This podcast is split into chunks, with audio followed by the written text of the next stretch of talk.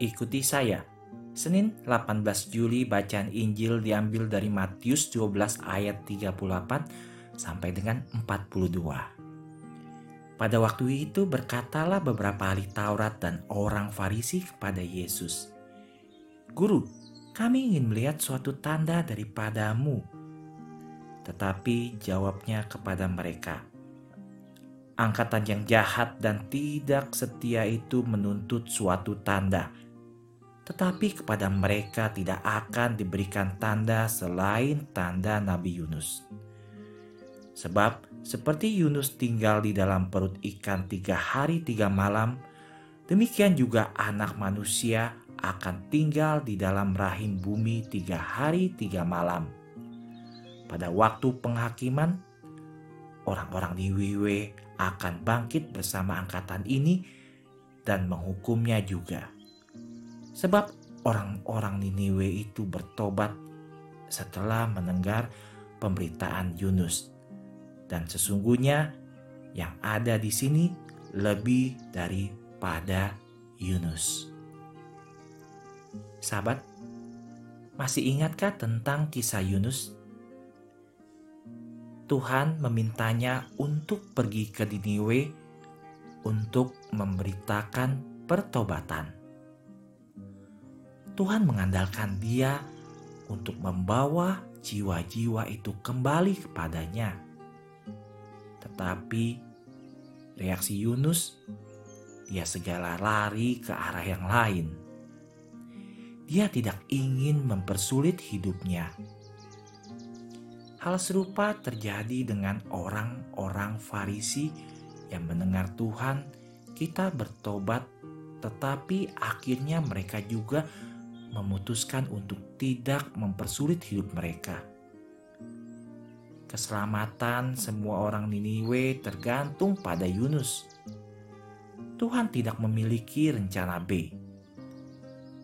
Jika Yunus tidak pergi, orang Niniwe tidak akan punya kesempatan.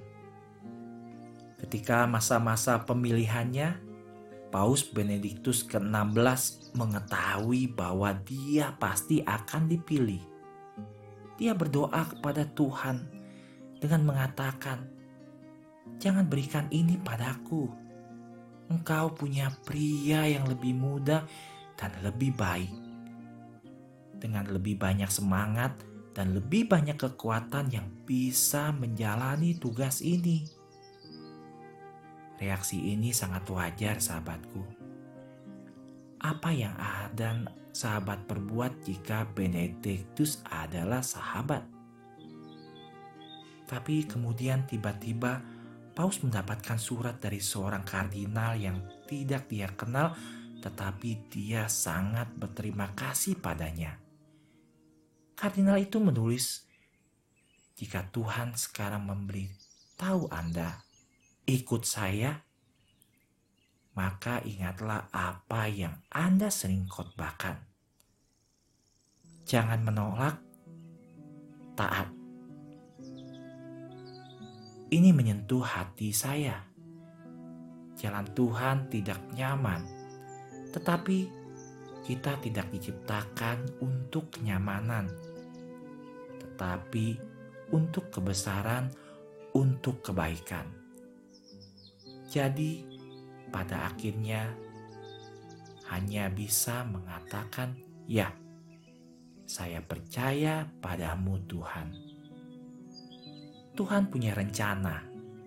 Ia mengikuti kita selangkah demi selangkah.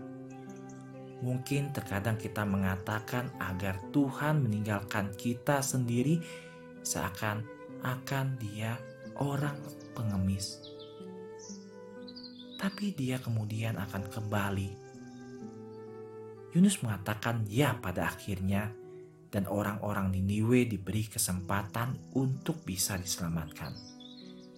Melalui syafaat bunda kami, saya juga ingin mengatakan ya pada rencana Tuhan demi banyak jiwa lain yang tergantung pada saya.